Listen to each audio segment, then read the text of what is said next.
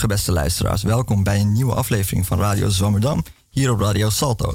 Mijn naam is Henok Tesfaye en dit is mijn eerste uitzending bij Radio Zwammerdam. Vandaag gaan we het hebben over onze beste vriend en tegelijkertijd grootste angst hier in de lage landen, water. We vechten er al eeuwen tegen, maar hoe is het nu eigenlijk gesteld met de kwaliteit van ons oppervlaktewater en hoe kan het beter? We gaan hierover praten met onze gast Milo de Baat. Hij is promovendus bij de Universiteit van Amsterdam en doet onderzoek naar de verbetering van waterkwaliteitmeting. Welkom Milo. Hi Henok. Hey, het is een hele speciale uitzending verder voor onze columnist Sikko de Knecht.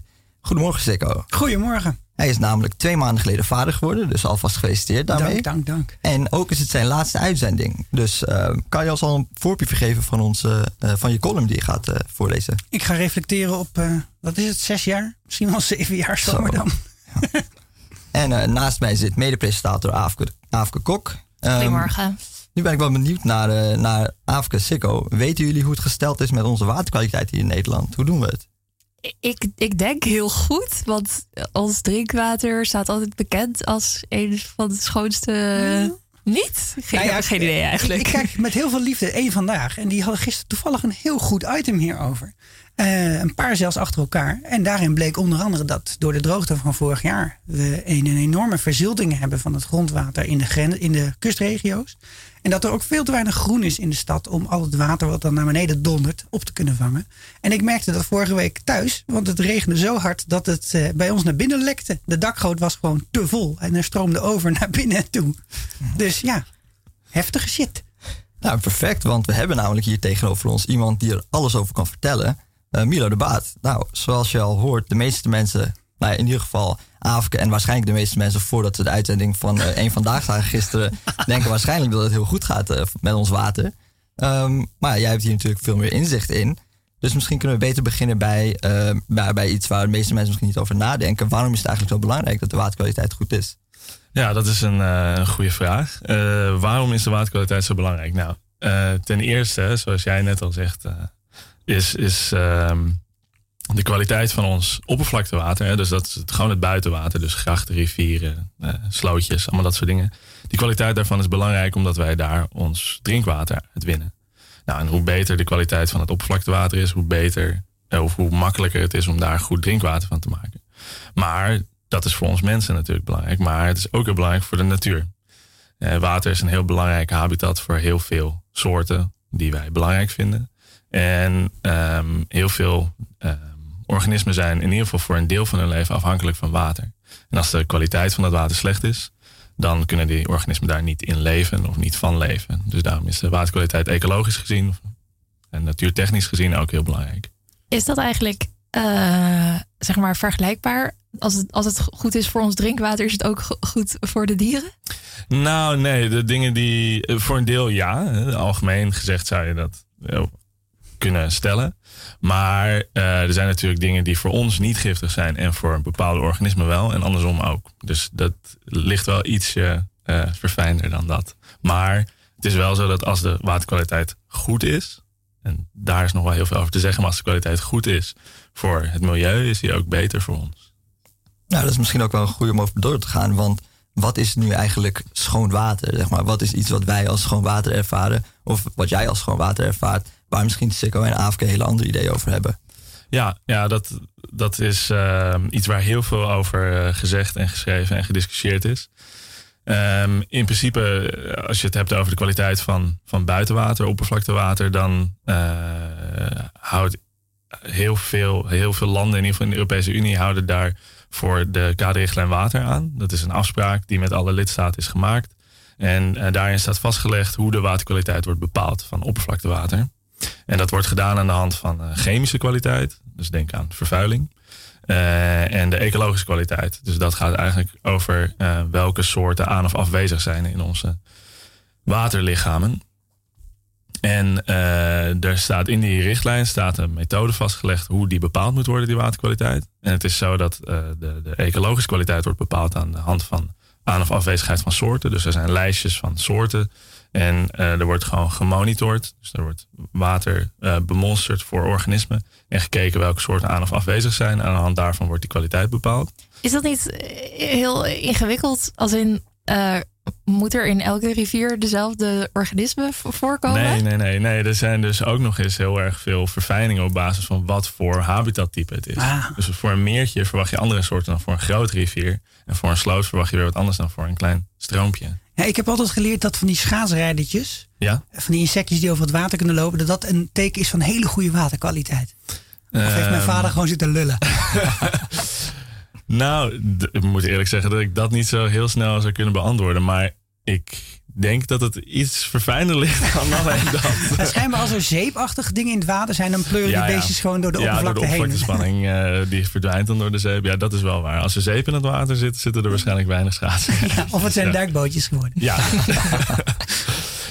um, maar dat, dat is inderdaad die ecologische kwaliteit. En die spreekt wel ergens ook wel een beetje tot de verbeelding. Maar waar ik me eigenlijk mee bezig hou, is de chemische waterkwaliteit. En dat gaat echt over aanwezigheid van vervuilende stoffen in ons oppervlaktewater. En, en die wordt binnen het kaderrichtlijn water in ieder geval bepaald aan de hand van de aanwezigheid van een aantal heel giftige stoffen.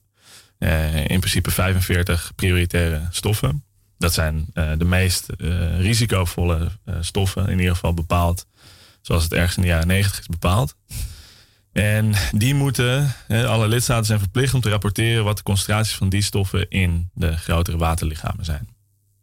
En daarmee wordt de chemische kwaliteit bepaald. En als een van de twee niet goed is, dus ecologische of chemische kwaliteit, dan hanteren we een, uh, een one-out, all-out principe. Dus als of ecologisch of chemisch of beide niet goed zijn, is de waterkwaliteit niet goed.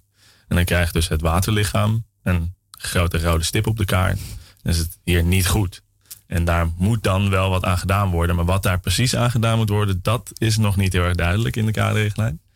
Maar dat is wel hoe er op dit moment in ieder geval een lange tijd in uh, Europa de waterkwaliteit wordt bepaald. En uh, wat jij nu eigenlijk doet, is dus uh, kijken hoe het beter kan. Dus die, oude, die oude methoden die worden toegepast, die probeer jij te verbeteren. Of in ieder geval misschien zelfs weer helemaal weg te gooien en iets nieuws voor in de plaats te brengen. Ja. Um, dus wat is het precies waar jij je onderzoek over doet? Wat voor soort nieuwe methoden zijn er dan? En hoe zouden ze dan deze oude kunnen verbeteren? Ja, maar eigenlijk zoals ik net al zei, hè, dat gaat om die prioritaire stoffen in het water. En dat, dat is dus een lijst van 45 stoffen. Heb je een, een, een voorbeeld? Eh, wat voor soort stofjes moet ik aan, aan denken? Ja, nou, denk bijvoorbeeld aan uh, de stof DDT. Ik weet niet of jullie daarvan hebben gehoord, maar dat is een, een pesticide. Dat werd gebruikt tegen insecten en dat werd ontzettend veel gebruikt.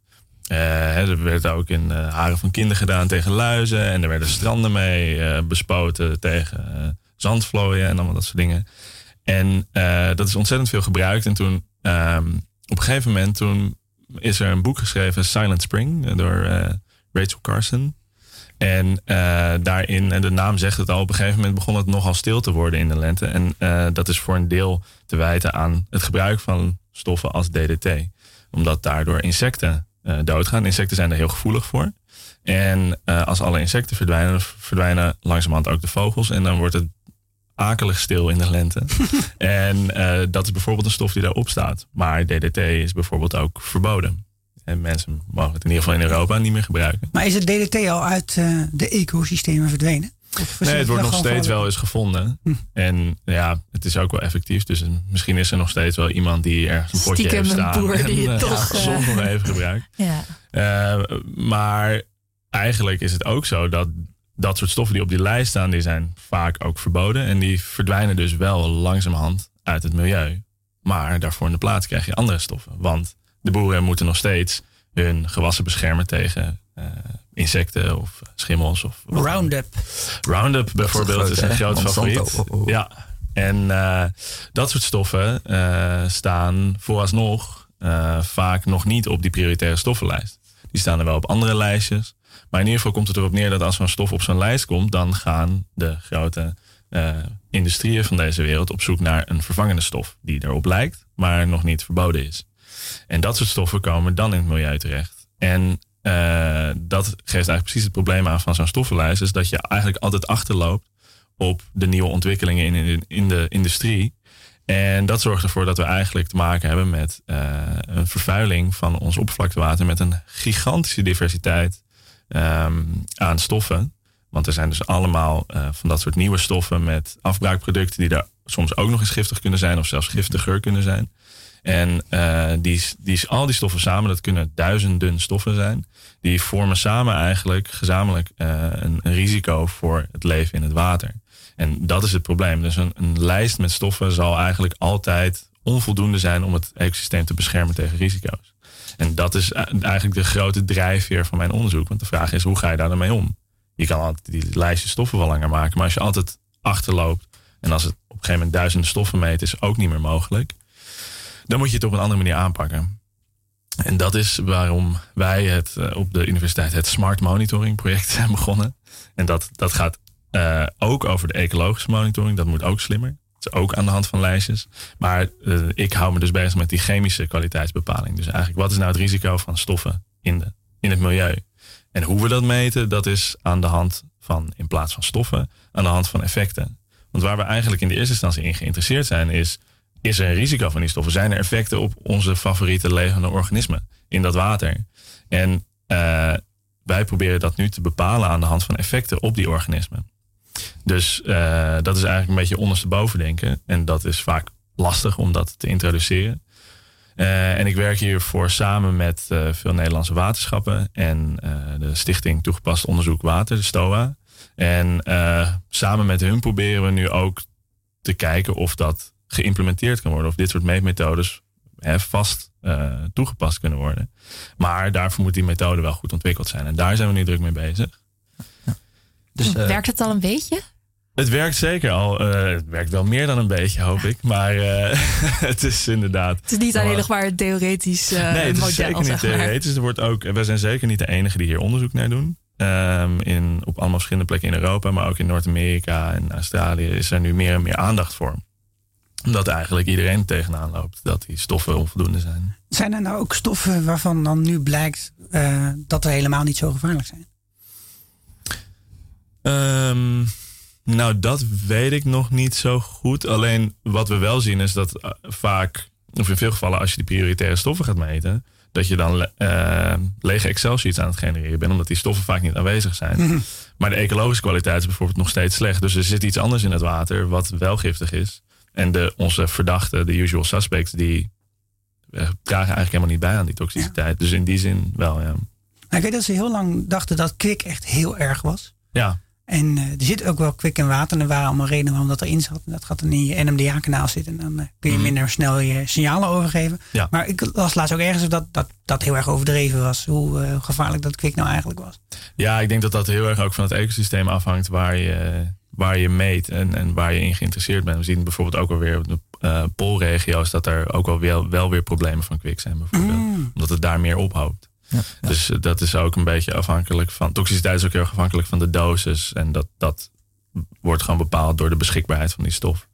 Ja, ja, dus het gaat nu ook vooral natuurlijk om uh, hoe, uh, hoe kan je meten dat, uh, dat de waterkwaliteit, waterkwaliteit niet goed is. En dat soort dingen probeer je dan te voorkomen. Want ik neem aan dat het nog steeds heel moeilijk is om methoden te, te, ontwikkelen waarmee je die vervuiling eruit haalt. Is dat iets waar, waar, waar mensen ook wel mee bezig zijn, lijkt me. Maar ja, hoe ga je daar dan weer mee, mee aan de slag? Ja, dus hoe los je op dat die vervuiling uiteindelijk aanwezig is? Want dat is toch ook, ook wel een van de doelen van vervuiling meten, is dat je begrijpt dat je en wat het probleem is. En um, uh, hoe ga je daarmee om? Ja, dat is. Eerst moet je weten wat de vervuiling is. En, en, en daarom uh, beargumenteren wij dat je, als je vertrekt vanuit effecten en uiteindelijk gaat vinden welke stoffen die effecten veroorzaken, dat je dan dus uh, bijvoorbeeld kan aanwijzen: oh, die industrie, daar komt heel veel van deze stof bij vrij. Hè? Net als bijvoorbeeld kwik bij uh, de mijnen van goud. Nou, daar komt veel kwik bij vrij. En toen op een gegeven moment is er besloten, nou, dat is misschien geen goed idee. Daar moeten we voorkomen dat die kwik in het water terechtkomt. En dat is bij heel veel soorten industrieën of uh, landbouw is het zo dat als je eenmaal weet welke stof het probleem veroorzaakt, uh, dat iedereen daar, of veel mensen daar in ieder geval wel aan willen bijdragen dat dat probleem minder wordt. Dus in die zin is vaak al de identificatie en, en daarnaar handelen al voldoende. En um, hoe zou dan volgens jou, dus uh, volgens dit nieuwe systeem dat je aan het ontwikkelen bent, um, hoe zou de timeline eruit zien? Laten we zeggen van je gaat ergens naartoe naar een rivier om te checken wat de waterkwaliteit is. Wat zijn dan de vervolgstappen in dat proces? Ja, wat, wat wij eigenlijk doen, en dat kan in ieder geval even um, kort en bondig uitleggen hoe wij nou eigenlijk meten, want dat willen jullie waarschijnlijk inmiddels wel weten. Uh, ten eerste is het heel belangrijk dat als je naar het water gaat, En zoals het nu wordt gedaan, wordt er gewoon een, bijvoorbeeld een liter water meegenomen. En dat wordt in het lab geanalyseerd. Dus hè, één liter water, met een beetje geluk wordt dat elke maand gedaan. Dus dan heb je ongeveer representatief watermonster van drie seconden of zo. En de rest van de maand kan er van alles gebeuren. En dan kom je na een maand terug en dan ga je weer hetzelfde doen. Dus dat is niet representatief eh, in de tijd, als het ware. Dus wat wij doen is, eerst willen we sowieso dat we alle stoffen meenemen en dat het een soort van tijdsgeïntegreerde bemonstering is. Dus wat wij doen, is wij laten iets in het water achter waar stoffen aan binden. Nou, dat kunnen verschillende dingen zijn voor verschillende soorten stoffen, maar in ieder geval, het principe is hetzelfde. We laten uh, voor zes weken laten we iets in het water achter. Dat hoopt dus stoffen op. Net als dat een organisme stoffen zou ophopen. Daar binden gewoon stoffen aan. En uh, op die manier komen we na zes weken terug en dat nemen we mee naar het lab en daar maken we een extract van. En dat is dus als het ware een tijdsgeïntegreerd waterextract.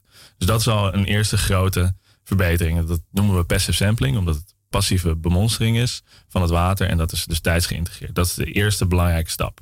Nou, met die extracten, die dus als het goed is representatief zijn voor je water, gaan we vervolgens effectmetingen doen. En daar, daar draait het allemaal om de effecten. Dus wat wij doen is we nemen verschillende organismengroepen, dus bacteriën, algen, insecten, en uh, die gaan wij blootstellen aan die extracten. Nou, en daar uh, zien we bijvoorbeeld, we gebruiken bijvoorbeeld vaak watervlooien. Dat is het favoriete beestje van alle uh, waterkwaliteitsbiologen. En die, die stellen wij bloot aan dat waterextract. En dan kijken we in principe of ze huilend het glaasje uitkruipen of niet. en uh, als ze dat doen, dan is natuurlijk de vraag van waardoor komt dat? Hè? Op de locaties waar, waar er geen effecten worden gezien, in de algen, bacteriën of ander soort testen die wij doen, dan kun je dat ook in principe laten. Maar op de locaties waar je effecten ziet, kun je dus gaan zoeken naar wat veroorzaakt nou die effecten. En uh, welke effecten je ziet, is heel bepalend voor die zoektocht vervolgens. Want als je wel effecten ziet op bacteriën en niet op je waterflow, dan denk ik, oh, dat zou dus iets kunnen zijn wat vooral effect heeft op bacteriën. En we hadden het net al even over gevoeligheid van verschillende organismen. En mensen zijn gevoelig voor ander soort stoffen dan insecten bijvoorbeeld. Nou, en als, als die bacteriën nou een effect uh, laten zien, dan zouden dat bijvoorbeeld antibiotica kunnen zijn. Of uh, een antibacterieel middel als triclosan, wat in veel tandpasta zit of zoiets dergelijks. Dus dat helpt al een beetje bij de zoektocht naar dat soort uh, stoffen die het veroorzaken. En dat is uiteindelijk de volgende stap.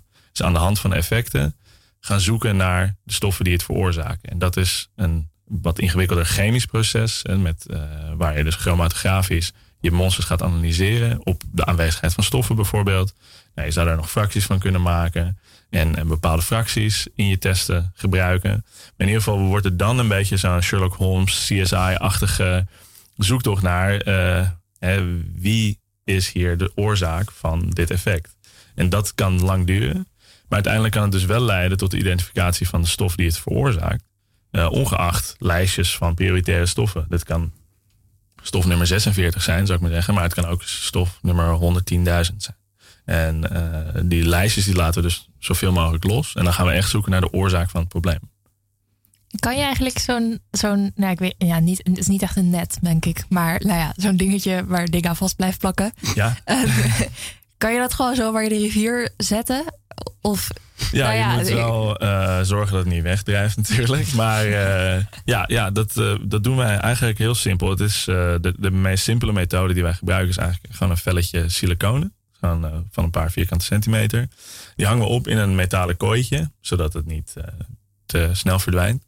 En dat, dat, hangen we heel simpel op met gewoon een stok in de bodem of aan een touw, aan een brug, zoiets.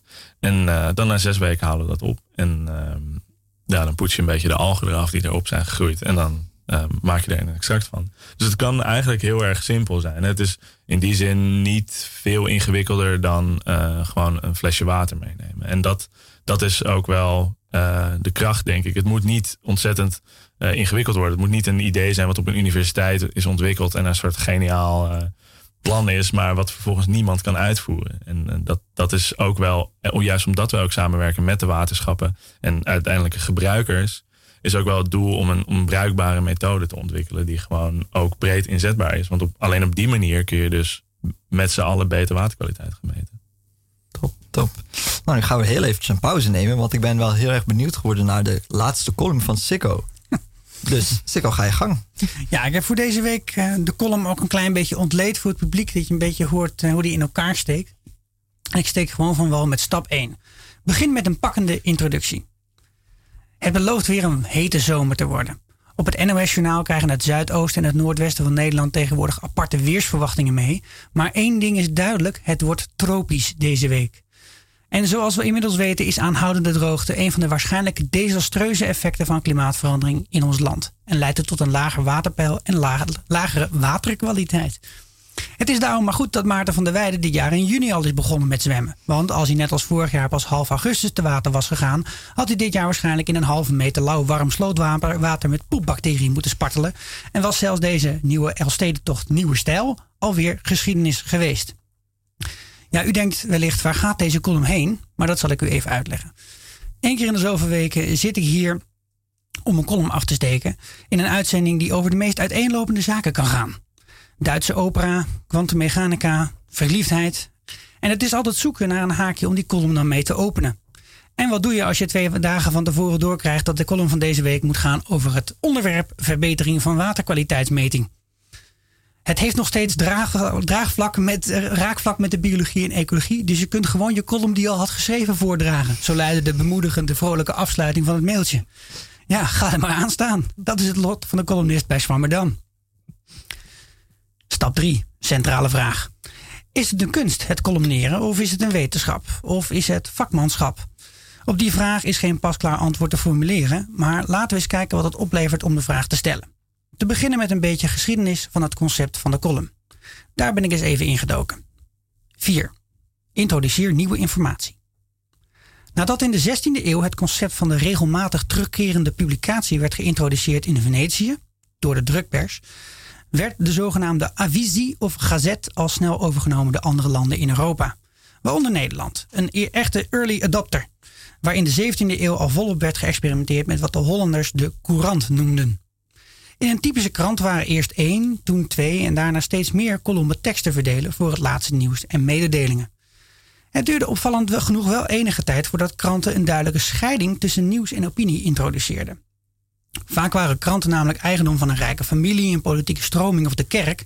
Dus aan de andere kant was het misschien wel niet zo gek dat ze dat onderscheid niet zo nauw namen.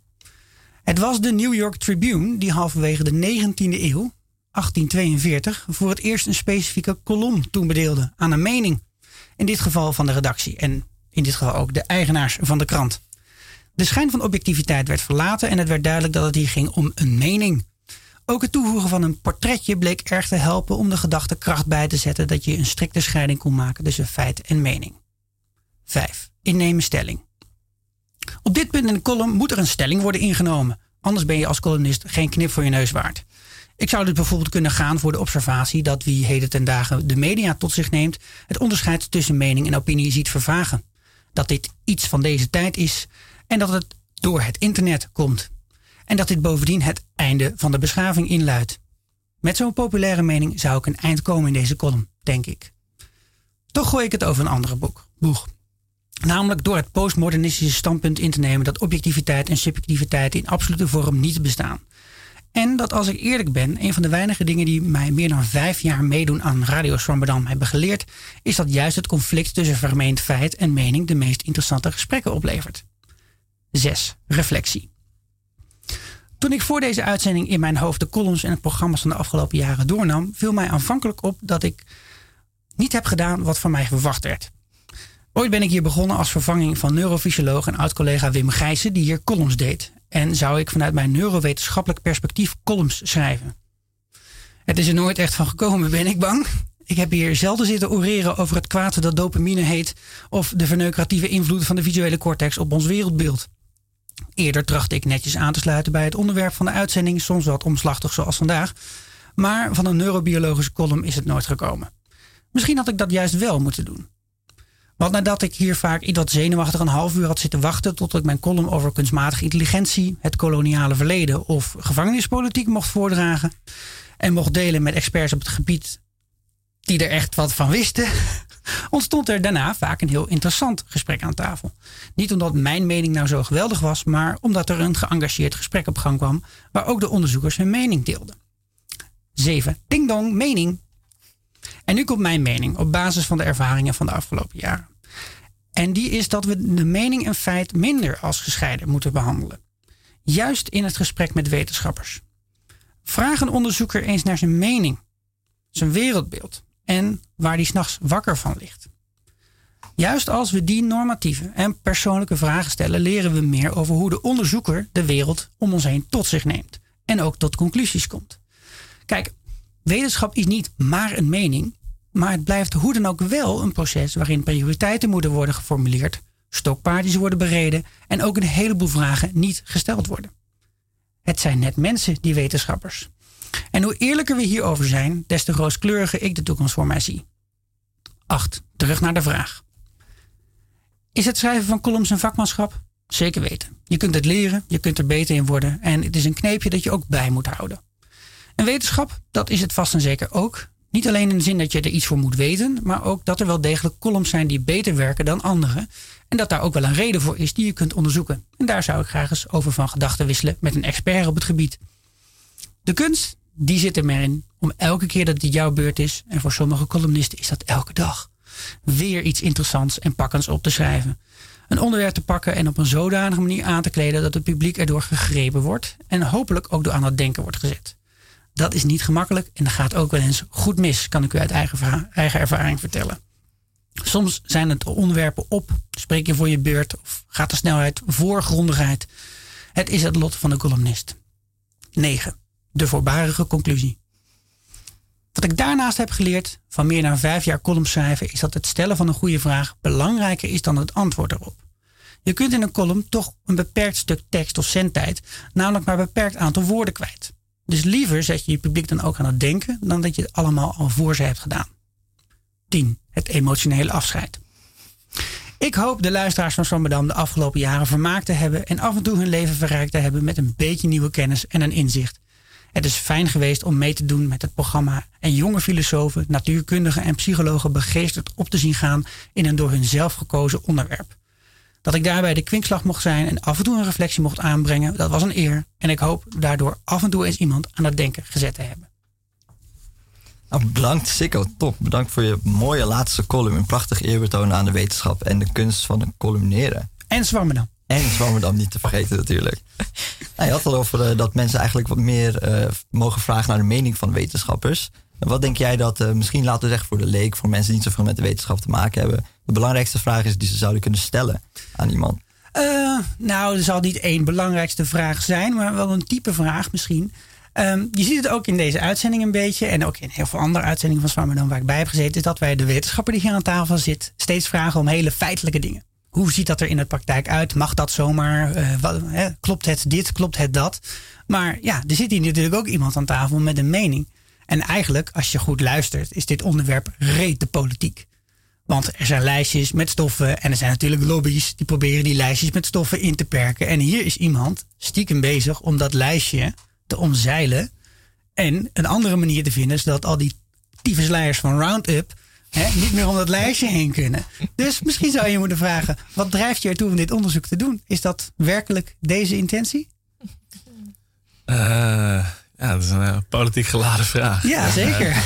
nou, ten eerste is dat wel leuk dat je dat zegt, want ik denk dat wetenschappers als ik even voor mezelf mag spreken, je wordt ook inderdaad niet zo heel vaak om een mening gevraagd. Nee. Inderdaad. Dat, en uh, ja, ik denk om op je vraag in te gaan, uh, dat de reden is dat ik dit doe, is dat ik echt geef om het milieu en, en de kwaliteit daarvan. En dus ja, dan is het logisch dat als er een mogelijkheid is om te kijken hoe we beter die milieukwaliteit kunnen bepalen. En daarmee dus ook inderdaad tyfusleiers kunnen omzeilen.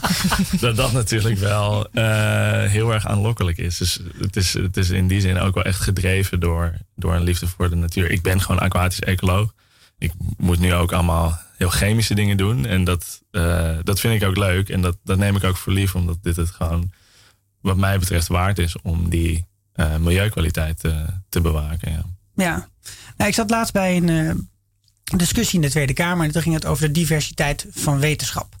En uh, nou, daar hadden heel veel mensen heel veel verschillende ideeën bij. Dus de ene die vond dat het moest gaan over vertegenwoordiging van uh, mannen en vrouwen en minderheden in de wetenschap. En de ander had het over de manier waarop uh, de wetenschap met bedrijven samenwerkt. Nou, er was duizend van dat soort dingen. Maar toen maakte ook iemand, dat was de rector van de Leids Universiteit, Karel Storker, de opmerking. Ja, in de natuurkunde heb je niet zoiets als links en rechts. Er zijn geen linkse sterren en geen rechtse sterren. Maar toen dacht ik, volgens mij is dat zo'n onzin. Zeg maar, als je alleen al naar de natuurkundige community kijkt, zijn er gewoon zeg maar, ongeveer de helft gelooft in God en de andere gelooft niet in God. dat is nogal wel belangrijk voor je onderzoek, denk ik. En de ene die vindt dat je, dat je alles moet bestuderen op het kleinste niveau en dat je daar gewoon miljarden euro's tegenaan mag gooien. En dat je dan die mensen die met boeken dingen doen, nou flikker op, wij gaan gewoon deeltjes tegen een ander deeltje aan knetteren. En daar zit ook weer een hele andere community die alleen maar op een papiertje zit te rekenen met hun eigen formules. Die mensen hebben een wereldbeeld, die hebben een mening. Die vinden dus blijkbaar dat wat zij doen belangrijker is dan wat iemand anders doet. Dan moet je die mensen over bevragen. En misschien is het niet zo evident als bij politicologie of economie dat daar een mening achter zit. Maar geloof me, die zit er echt altijd achter. En dat is niet erg. We zijn allemaal mensen. We hebben allemaal meningen. Maar het is juist in zo'n gesprek fijn om dat ook op tafel te hebben. En gewoon te weten, oké prima, jij staat er zo in. En dan sta ik er zo in. En dan weet ik een beetje hoe ik hè, de feiten die je aandraagt ook moet wegen. Ja, Milo, misschien heb jij daar eh, als wetenschapper zijnde een direct beeld op. Denk je dat dat dan iets is waar, um, waar, waar mensen expres niet het conflict in opzoeken? Wordt dat gewoon, uh, gewoon uit de weg gegaan? Praten mensen daar expres niet over? Of gaan ze daar toch wel hard aan toe soms in de wetenschapswereld? Nou, ik denk dat het een heel belangrijk punt is. Want ja, zoals Sikko zegt, we zijn allemaal mensen. En ja, de wetenschap is ook doorspekt van politiek. En uh, ja, we, vaak uh, beperken wetenschappers zich tot de harde discussies over de feiten. En dat is ook heel goed, want dat is ook een van de taken. Maar dat wil niet zeggen dat je je van moet weerhouden om een mening te voeren. En, en ja, ik denk dat het dat uh, pure uh, objectiviteit, zoals Sikko net al zei, niet bestaat. En dat is ook wel goed. We moeten soms ook minder voorzichtig zijn. Soms wachten we zo lang als wetenschapper om een uitspraak te doen, omdat we alles heel erg zeker willen weten. En ja, dat moeten we ook zeker doen. We moeten niet dingen gaan verkondigen die niet waar zijn. Of, hè, maar als we een gevoel hebben, dan kunnen we dat ook best uitspreken. Vind ik in ieder geval. Ik vind het gek om te doen alsof we geen mensen zijn. Uh, zolang het niet de wetenschappelijke kwaliteit in het gevaar brengt, natuurlijk. Uh, dus dat is een fijne balans die denk ik ook wel moeilijk te strijken is. Maar dat is ook onderdeel van dat het prima is om een keertje iets fout te doen en dat vervolgens toe te geven. we hoeven niet altijd gelijk gelijk te hebben.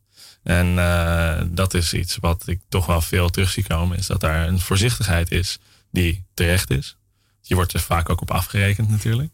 Maar die mening op tafel, daar, dat heeft denk ik echt wel waarde. Want um, ja, wij zijn ook, eh, wij wetenschappers, maar iedereen uh, zijn ook denkers met, met ideeën. En die ideeën zijn vaak ook wel de grondslag voor de, het onderzoek wat er vervolgens wordt gedaan. Een voorstel voor een, een onderzoeksproject wordt ook geschreven door een persoon. En dat komt uit een overtuiging dat iets moet veranderen en in mijn onderzoek, maar eigenlijk elk onderzoek komt uit een overtuiging dat dit een heel belangrijk onderwerp is. En of dat nou inderdaad deeltjes tegen elkaar knallen is, of waterkwaliteit, of uh, literatuur, Franse literatuur uit de 16e eeuw of zoiets dergelijks. Dat, dat, uh, ja, dat heeft allemaal ook een grondslag in een bepaalde overtuiging en mening. Ja, en ik wil het ook wel eens zien in. Uh, ik lees niet heel vaak aanvragen bij NWO, een Nederlandse organisatie die onder andere wetenschap financiert. Maar er wordt meestal om een wetenschappelijke uitleg gevraagd van waarom wil je dit in vanuit wetenschappelijk oogpunt weten. En ook vaak wel een soort maatschappelijke een verantwoording. Maar je kunt ook gewoon opschrijven van waarom wil jij dit weten? Of ja, wat was het verhaal hierachter? Ik, help mij eens dit te plaatsen in, uh, in een bredere context. Als jij onderzoek wil doen naar het koloniaal verleden van Nederland in Nederlands-Indië. Ja, er zijn weinig mensen die vinden dat, um, dat slavernij top was, die in die, die vakgroep zitten om dat te onderzoeken. Daar moet je ook een soort verklaring bij geven. Nou, ik vind dat wij hier in het reinen moeten komen. Dat is mijn mening als, als onderzoeker. En daarom heb ik dit en dit opgericht en dit vakgebied gepakt. En daarom zit ik hier. En stiekem, als je, als je het wetenschappers gewoon vraagt, vaak moet je inderdaad wel door zeven lagen deflectie heen. Hè? Want die zeggen altijd, ah, maar het is niet echt, uh, kan ik niet uit mijn onderzoek zeggen, want ik, dat heb ik niet bewezen. Nee, maar wat vind je nou? Hebben ze altijd een mening over waarom ze dat doen? Ja, nee, absoluut. Um, nou, dan gaan we nu even terug naar de waterkwaliteit. Yes. Um, we, hebben het, uh, we hebben natuurlijk heel veel gehad over vervuiling van die oppervlaktewaters. Um, maar hoe we, weten we wat meer over de bronnen? We gaan nu even luisteren naar een fragment van de Universiteit van Nederland, waarbij Dr. Thomas Terlaak van de UvA en KWR Watercycle ons iets gaat vertellen over um, misschien een soort vervuiling waar we niet zo vaak aan denken. Criminelen hebben allerlei creatieve manieren om van hun drugsafval af te komen.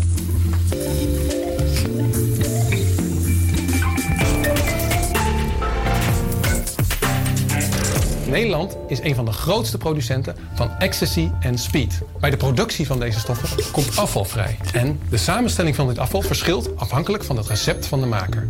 Grofweg zijn er vier ingrediënten van dit afval. Dit zijn grondstoffen waarvan de drugs wordt gemaakt, oplosmiddelen zoals aceton, misschien ken je die wel van nagellakremover. Daarnaast sterke zuren en bazen die worden gebruikt om de grondstoffen om te zetten in de drugs. Dit zijn stoffen die zeer agressief zijn en bijvoorbeeld brandwonden kunnen veroorzaken. En als laatste nog resten van de geproduceerde drugs zelf. We zien de meeste drugsdumpingen in Brabant en in Limburg. In 2017 waren er ongeveer 200 dumpingen van drugsafval. In 2018 liep de teller al op naar 300 dumpingen. Dit kan komen omdat de productie stijgt, maar het kan ook komen omdat de productie van grondstoffen leidt tot extra afval. Dat zit namelijk zo. Steeds meer grondstoffen van ecstasy en speed worden verboden. Daardoor is het lastiger om aan deze stoffen te komen. Criminelen maken deze stoffen dan ook vaak zelf, met als gevolg nog meer afval. Maar dumping in de natuur zijn maar een deel van het probleem. Wat je namelijk niet ziet, is als bijvoorbeeld het drugsafval wordt gedumpt in een mestkelder van een boer. De gierput stinkt toch al. De mest wordt uitgereden over het land en zo is er al eens ecstasy en amfetamine aangetroffen in mais. Ook vrijwel onzichtbaar is als het drugsafval in het riool wordt geloosd. Deze methode kwamen we onbedoeld tegen bij een ander onderzoek. Normaal kunnen we uit het afvalwater aflezen hoeveel drugs er wordt gebruikt in de stad of regio. Een deel van de drugs die je gebruikt, plas je namelijk ook weer uit. Zo zien we dat het gebruik van ecstasy in het weekend hoger is. En ook herkennen we feestdagen en festivals. Maar in de metingen van Eindhoven zaten zulke hoge pieken, dan zou iedereen in de regio Eindhoven, inclusief de kinderen en bejaarden, die dag één pil moeten hebben genomen. Hier gaat het dus om lozingen van drugsafval. Ook zien de resten van gebruikte drugs er net iets anders uit dan de drugs in drugsafval. Ecstasy bestaat namelijk uit twee dezelfde moleculen in spiegelbeeld. De ene kan jouw lichaam beter afbreken dan de ander. De verhouding van ecstasy die je uitplast ziet er dus anders uit dan de ecstasy uit drugsafval. Dat is lastig te zeggen. Het afval van drugsproductie is natuurlijk erg agressief, maar het zal niet meteen je toiletpot wegbranden. Wel komt het uiteindelijk bij de rioolwaterzuiveringsinstallatie aan en daar kan het voor problemen zorgen. Normaal wordt alle poep, plas en ander afvalwater in de zuivering afgebroken door bacteriën. Op het moment dat er te veel drugsafval in het afvalwater zit, kunnen deze bacteriën doodgaan. Op dat moment werkt de zuivering niet meer. Dan komt alle afvalwater dus ongezuiverd in de rivier terecht. Ook als de zuivering goed functioneert, passeert ecstasy de zuivering. Deze stof komt dus altijd in het oppervlaktewater terecht. Het effect op de dieren en planten in het water is nog maar beperkt onderzocht. Maar je kan bedenken dat drugs bepaalde effecten bij mensen veroorzaken en dat vergelijkbare effecten mogelijk zijn bij dieren. Dus Milo, we hebben net even iets meer gehoord over eh, drugsafval dat dan in de natuur terechtkomt in een oppervlaktewater. Um, merk jij bij jouw eigen onderzoek ook dat dit een, een redelijk grote bron is van vervuiling? Kan je dat terugzien? Zoals ze bijvoorbeeld zei dat er in Brabant en Limburg heel veel meer drugs wordt gebruikt uh, in vergelijking met de rest van Nederland? Um, ik heb het zelf nog niet gezien. Ik ben nog niet tegengekomen. Maar um, ik denk zeker dat het iets is wat ook met de methode die wij gebruiken wel naar boven zou moeten komen. Hè? Zoals uh, Thomas in, het fragment aangeeft, uh, is daar uh, zeker effect van te verwachten. Dus ja, als de methode goed werkt, zou je dat ook moeten kunnen zien. Maar ik ben er nog niet tegengekomen, maar wij zijn misschien ook nog niet zo ver met die identificatie van de stoffen die de effecten veroorzaken. Maar het is zeker iets, zeker als het meer en meer toeneemt, dit soort afvaldumpingen. iets wat ook specifiek meegenomen kan worden in het ontwerpen van die meetmethoden. Yes. En wat zijn dan eigenlijk de grootste bronnen van, die, van vervuiling en van de stoffen die je vindt in, in het oppervlaktewater op dit moment? Nou, wat mijn onderzoek is, uh, voornamelijk vindt dat plaats in Nederland. En Nederland is uh, twee voornaamste dingen, uh, heel dicht bevolkt en een landbouwland. dus bijna 70% van ons landgebruik is, wordt voor landbouw gebruikt. We zijn een gigantische producent van voedsel, de op één na grootste producent van, exporteur van voedsel ter wereld. Uh, en ja, dat is verrassend. ja, sorry, ik, keek er zo heel raar bij. Want dit had ik me echt nog nooit gerealiseerd. Nee, nou ja, we zijn in ieder geval zeer productief. En we hebben uh, dus heel veel uh, landbouw. En bij die landbouw moeten bestrijdingsmiddelen worden gebruikt. Hoewel dat in Nederland redelijk goed wordt gereguleerd. Ze, ze, komen er toch in ieder geval veel bestrijdingsmiddelen in het water terecht. En daarvan meten we zeker effecten. Nou, een andere, dat heeft met dichte bevolking te maken, is rioolwaterzuivering. En al doen we zo ons best, en dat hoorde je net ook in het fragment, er zijn altijd stoffen, niet alleen ecstasy, maar heel veel andere stoffen die toch door de rioolwaterzuivering heen komen en in het oppervlaktewater terechtkomen. En daar zien we ook echt veel effecten van. Dat heeft echt veel invloed op het milieu. En uh, daar heb je natuurlijk verschillende oplossingen voor. En we hebben net ook al een beetje uh, gehad over wat doe je nou vervolgens als je dus meet dat er effecten zijn. Maar in een bredere zin kun je dus ook zeggen, nou we zien dus dat dat uh, vervuilend landgebruik is of vervuilend gebruik van stoffen of in ieder geval invloed heeft. Dus ja, rioolwaterzuiveringen moeten of beter gaan functioneren of we moeten minder vervuilen. En daar is wel aandacht voor. En, en dat is ook bijvoorbeeld bij bestrijdingsmiddelen. Kunnen we veel minder gaan gebruiken? Of kunnen we beter afbreekbare stoffen gebruiken? Of kunnen we natuurlijke afweer gebruiken, uh, beestjes die andere beestjes opeten. Uh, dus ja, je hebt dus en de input en de zuivering die je zou kunnen verbeteren. Ja, bij die drugs vind ik wel interessant. Hè? Dan ben je aan het ontdekken dat er heel veel drugs in het water zit. En dan? En dan? Volgende stap, ga je naar, ga je naar Ferry toe en zeg je: Hé, hey, hou eens mee op. Ja. Hij is op de dumpen. Ja, nou ja, kijk, het, uh, voordeel in die zin van drugs maken is dat het illegaal is en dat je ja, iemand dat is voordeel, ja. dat je er een stop op kan zetten als je iemand vindt die dat doet.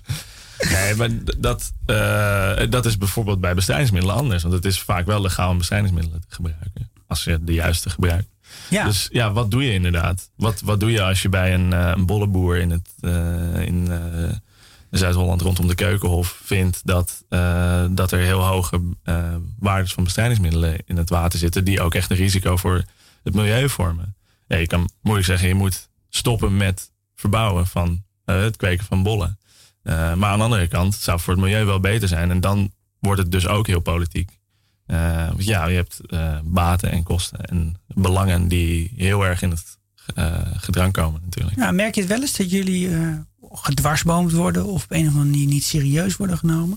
Nou, we hebben wel gemerkt dat er soms meetopstellingen worden weggehaald. Kijk. Nee, echt? Ja, ja. Maar zijn dat mensen die weten wat erin zit? Of denken die, hey, glimmend doosje, ik neem het mee. Ik zie thuis al wat uh, Nou, dat, dat is moeilijk te zeggen glimmend doosje met een groen papiertje. Ja. precies. nou, het is moeilijk te zeggen. Maar als het bijvoorbeeld in een sloot is, langs het land van een boer... waar geen uh, weg langs. Zo, dan is het wel te vermoeden dat dat misschien door de boer is gedaan. En het wil niet eens zeggen dat die boer zegt van, oh, meet mijn waterkwaliteit maar niet, want uh, misschien is het mis. Het kan ook zijn dat hij gewoon geen potkijkers wil. En uh, dat is natuurlijk moeilijk te onderscheiden. Maar er zijn wel mensen die dit natuurlijk in zekere zin liever niet zien gebeuren. Daar staat ook wel tegenover dat we ook bijvoorbeeld veel boeren hebben gesproken. In mijn veldwerk ga ik dan, rijk dan naar bijvoorbeeld het land van een boer toe. En dan kom ik daar en dan bel ik aan en zeg ik, nou, vind je het erg als ik hier de waterkwaliteit ga meten? En in veel gevallen vinden ze dat prima. En dat viel me eigenlijk wel mee. Ik had verwacht dat ik meer in die zin nee te horen zou krijgen. Maar vaak zijn die mensen echt geïnteresseerd ook in wat hun activiteiten doen met de waterkwaliteit. Ja, en dan wat zeg je dan uh, precies? Wat zeg je dan om ze te overtuigen als dat nodig is? Uh, wat houden zij er dan over? Omdat, uh... Nou, wij zijn in ieder geval altijd bereid om de informatie te delen met de, de, boeren. En sommige mensen willen dat graag horen. Van, wat, wat komt er nou uit je onderzoek dan? Laat dat maar eens weten. En wat ook wel vaak belangrijk is, is dat we beloven dat, dat we niet met naam en toenaam iedereen te schande gaan uh, publiekelijk uh, aan de gal gaan hangen omdat ze bestrijdingsmiddelen gebruiken. Dat is ook helemaal niet ons doel als wetenschapper om mensen aan te wijzen dat het moet handhaving doen. Dat is er helemaal niet aan ons. Ja, maar, dat is inderdaad wel, dat is jullie doel niet, maar uiteindelijk. Je kan het er wel toe leiden, ja, ja. Maar dat is misschien ook wel goed, toch? Ja, dat vind ik wel, maar misschien die boeren, ja, de boeren niet. niet. Nee. Hopen dat ze er te laat achter komen. ja, ja. Dat nou ja, de boer, waarom zou die niet zelf een gezonde waterkwaliteit willen hebben? Voor zichzelf en voor de toekomst? Ah, ligt eraan wat hij moet opgeven natuurlijk. Dat in, in, zeg maar, in de directe korte toekomst. Maar. Ja, en dan, dan wordt het dus heel erg uh, sociaal en politiek. En dat is ook wel heel interessant, vind ik, aan dit onderzoek. dat ja, een boer die leeft heel erg met de natuur in zekere zin ook. Het zijn helemaal niet mensen die iets tegen natuur hebben. Dus die hebben vaak vinden dit heel belangrijk juist. Maar op het moment dat uh, er uh, bestrijdingsmiddelen worden gevonden, ik weet niet of jullie dat hebben gelezen of gezien, dat er in het Westland um, hebben ze allemaal metingen gedaan, ook in de huishoudens van mensen, en dat ze echt ook pesticiden terugvonden in bijvoorbeeld waar kinderen mee in aanraking zijn gekomen, ook echt in de poep van baby's en zo. En dat, dat is dus veel blootstelling. En dan gaat het dus niet alleen om het milieu, maar dan gaat het ook echt om de mensen zelf. En de vraag is, wat zijn nou die risico's van die stoffen? En dat, uh, dat is natuurlijk ook wel een heel interessant ethisch vraagstuk. Ja, hoe belangrijk is die boterham op je bord als je over twintig jaar uh, daar misschien uh, ziek van wordt? Ja, ja, absoluut. En dat is natuurlijk, kijk, de boeren zijn degene die, er, uh, die ermee in aanraking komen, maar zij zijn niet per se degene die het uh, direct gaan toepassen. Dus wat is de respons of de reactie van bijvoorbeeld waterschappen of watermanagement? Dus de mensen die dit nieuwe systeem uiteindelijk moeten gaan gebruiken en het oude systeem weggooien. Hoe reageren de, deze mensen op dit? Uh? Nou, wat ik merk is dat er veel interesse naar is. Want ook bij de waterschappen zitten heel veel mensen die ook graag beter willen begrijpen hoe de waterkwaliteit in elkaar zit. En dat is wel heel leuk dat er zo'n heel praktische vraag komt van hoe kunnen we dat nou beter meten. Nou, wat, wat wel duidelijk is, is dat deze methode gewoon nog uh, iets meer handen en voeten moet krijgen om het zo regulier toe te passen. Maar gelijktijdig denk ik dat het zich wel genoeg heeft bewezen om te zeggen dat we het vooral ook moeten gaan doen. En, en echt moeten gaan toepassen. En uh, ja, de kinderziektes die er nog in zitten, die komen er vanzelf wel uit. En in ieder geval zou ik wel willen stellen dat de voordelen zeer sterk opwegen tegen de uh, nadelen die er nog zijn. Zeker ten opzichte van wat we nu doen. Want dat vergeten we dan soms uh, in acht te nemen is. Wat we nu doen, dat is lege Excel-sheets genereren. En daar weten we helemaal niks na. En uh, dit is in ieder geval wel een winst ten opzichte daarvan. Maar er is dus nog wel verdere ontwikkeling nodig. En daarvoor hebben we die gebruikers ook echt nodig. Ja, ja. En um, nou, we hebben het dus over gehad dat er, dat er wel wat uitdagingen zijn voordat dit um, nou ja, perfect gebruikt zou kunnen worden. Maar stel je voor dat je oneindige, eindig budget zou hebben. Wat zou, hoe zou het perfecte systeem eruit zien? Wat zou je dan kunnen, kunnen doen? Wat zou je dan uh, voor ja. een ingewikkeld systeem kunnen maken? Of heel makkelijk, zeg maar. Ja, dat is een uh, moeilijke vraag. Want meestal moet ik ook een beetje rekening houden met juist met de kosten.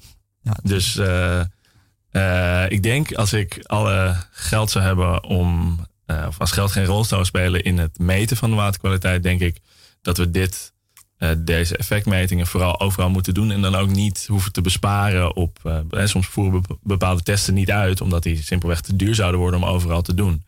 Uh, terwijl die toch veel informatie kunnen geven. En, en ik denk, als je er genoeg mensen op zet en, en genoeg tijd in steekt en geld, dat je dan echt heel snel eigenlijk op heel veel plekken zou kunnen identificeren wat nou watervervuiling veroorzaakt, risico's veroorzaakt.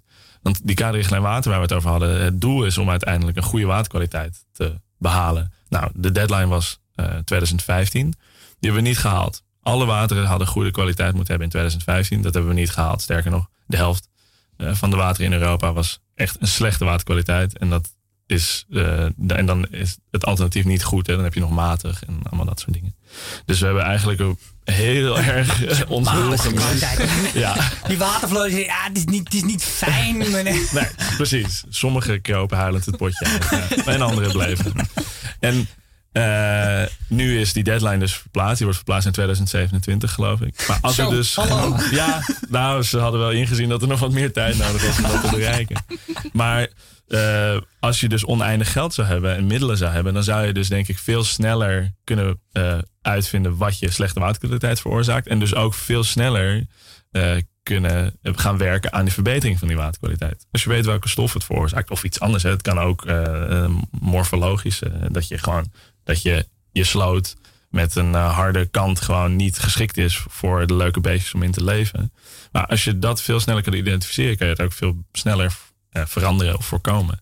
En dan uh, halen we sneller met z'n allen in Europa en daarbuiten die goede waterkwaliteit die we zo belangrijk vinden. Ik ben eigenlijk ook wel benieuwd, want nou, jij werkt dan ook samen met de waterschappen en zo. Mm -hmm. um, maar dat is dan echt een Nederlands project. Uh, slaat het ook een beetje aan in de rest van Europa? Of denken die, oh ja, die ene gek hier Nederland, best een raar systeem? nee, ik ben zeker niet de enige die hier onderzoek naar doet. Er zijn grote projecten in Europa die uh, bijvoorbeeld de hele uh, Donau-stroomgebied hebben gemeten op deze manier. alle grote stroomgebieden van rivieren, dat is bijvoorbeeld het Solutions-project, heeft daar um, heel veel tijd en aandacht aan besteed. En daar het begint echt voet aan de grond te krijgen. En um, in dit gebied, op dit gebied is Europa wel een beetje een voorloper wereldwijd. In Noord-Amerika is er ook aandacht voor in Australië, maar daar loopt het nog net iets achter. Dus dat is ook wel leuk dat we daarin wel wereldleider zijn. Ik ben zeker niet die ene uh, gek die dit doet. En ik doe het ook met een team. Dus gelukkig, als ze me gek vinden, ben ik niet de enige. maar um, nee, er, er begint zeker veel aandacht voor te komen. En het idee is dus ook om dit uh, echt in die kaderrichtlijn water, die Europese wetgeving te krijgen. Nou, dat is iets waar ik helemaal niks van weet. Van hoe je een, dit in wet in krijgt. Maar wat ik wel weet is, als de methode goed werkt, dan kunnen ze er op een gegeven moment ook niet meer omheen. En daar is dus veel aandacht voor nu. Want uh, volgens mij wordt dit jaar de kaderrichtlijn water dus herzien. En die nieuwe deadline die wordt nu dus bepaald. En uh, dat uh, het idee is dus om deze methodes in ieder geval daarin te krijgen als mogelijke meetmethode. En dat je dus ook niet meer verplicht bent om die 45 stoffen te meten. Want dat is vaak ook waterschappers in Nederland, waterschappen in Nederland, maar ook in andere landen, die hebben een beperkt budget. En die moeten van de Europese Unie voldoen aan die kaderrichtlijn water. En daarin staat, je moet die stoffen meten. Dus laat maar weten wat de concentraties zijn. Maar ja, dan verbrand je al je geld aan lege Excel-sheets. En vervolgens heb je geen geld meer over voor die effectmetingen die ook heel goed zijn. Dus het zou heel fijn zijn als in die kaderrichtlijn water wordt vastgelegd ja, je mag die stoffen wel meten, maar wat je ook kan doen, is deze effectmetingen. En die moet je dus en zo doen. En daar is ook uh, in Nederland nu, uh, ook vanuit de STOA, dus de Stichting Toegepast Onderzoek Water, en uh, allemaal kennisinstituten, is de kennisimpuls waterkwaliteit begonnen. En, en die willen echt meer een soort van gestandaardiseerde aanpak voor dit soort slimmere metingen eigenlijk op papier krijgen. zodat het ook echt dus handen en voeten krijgt voor de gebruikers. Yes, nou top. Um, Milo, je bent bijna klaar met je PhD. Hoe ziet de toekomst eruit hierna? Ga je door met dit project en proberen het zo breed mogelijk toe te passen? Wat, wat heb je hierna in gedachten? Nou, ik, ik, uh, ik vind het een heel leuk onderwerp. En uh, zelfs aan het einde van mijn PhD, dat is niet altijd. dus ik vind het onderwerp ontzettend leuk en ik vind het ook belangrijk. maar wat ik zou willen, is eigenlijk dit toepassen buiten Europa. En zoals gezegd, er wordt in Europa veel onderzoek naar gedaan. Maar ik denk dat dit idee, dus stoffen loslaten en effecten gaan meten, dat dat op veel meer plekken toegepast zou kunnen worden. En uh, dat het ook heel veel winst kan bieden. En uh, ook in ontwikkelende landen. En uh, dat lijkt me leuk om te doen. En, en wat ik eigenlijk het liefst zou doen, is dit in heel andere ecosystemen toepassen. Dus bijvoorbeeld op koraalriffen. Of je zou het dus overal kunnen toepassen. Nu noemde je net het voorbeeld van de Silent Spring. En zeg maar, dus dat hoorden we net. En ik was eigenlijk wel benieuwd hoe jij naar de toekomst kijkt. Is, is, de, is deze wereld nog te redden? Kunnen we onze waterkwaliteit hoog houden? Komen, zijn er nog bijen over twintig jaar? Of? Ja, dat is een hele. is het heel... nou, um, ik denk wel dat uh, we echt uh, een, een, onomkeerbare impact hebben gemaakt inmiddels. Dat is, maar dat wil niet zeggen dat, het, dat we moeten stoppen met veranderen. Ik denk zeker dat er bepaalde soorten zijn uitgestorven, die krijgen natuurlijk nooit meer terug. Uh, maar we moeten nu wel een hele grote omkeer gaan maken. En dus ik ben in die zin niet pessimistisch. Ik vind juist dat we nu met alle kennis die we hebben ook een verplichting hebben aan onszelf en alles en iedereen. Uh, om die veranderingen in te zetten. En gelukkig is daar meer en meer aandacht voor. Dus ik zie wel uh, het gevaar, maar ik zie ook juist de mogelijkheid nu. En, ik, en ook nou, toenemende uh, bewustheid van echt wereldwijd de bevolking hier. Nou, dan eindigen we op deze prachtige positieve noot. Komt helemaal goed met ons, hopelijk. um, nou ja, we gaan afronden helaas. ik wil dan eerst natuurlijk mijn gast Milo de Baat bedanken. Um, Sikko, bedankt voor je allerlaatste column. Heel veel plezier en heel veel succes met de klein in de toekomst. Dankjewel. Uh, Co-presentator Aaf Kok, heel erg bedankt natuurlijk. En Geertje met de techniek. Topper, heel erg bedankt. Um, En u bedankt dat u hebt geluisterd natuurlijk. Uh, ben je nou nog meer geïnteresseerd geraakt in onze relatie met water? Kun je alle afleveringen binnen het dossier terugluisteren op www.radiosomerdam.nl. Verder zijn de afleveringen ook terug te vinden op Soundcloud, iTunes en Spotify. Wil je reageren op deze uitzending? Kan dat via redactie.radiosomerdam.nl. En het is 2019, dus wij zijn natuurlijk ook te vinden op Facebook en Twitter. Volgende week hebben we weer een nieuwe uitzending met een nieuw redactielid Matthijs. En dan wens ik iedereen een hele fijne, lekkere, warme, zonnige zondagmiddag. thank you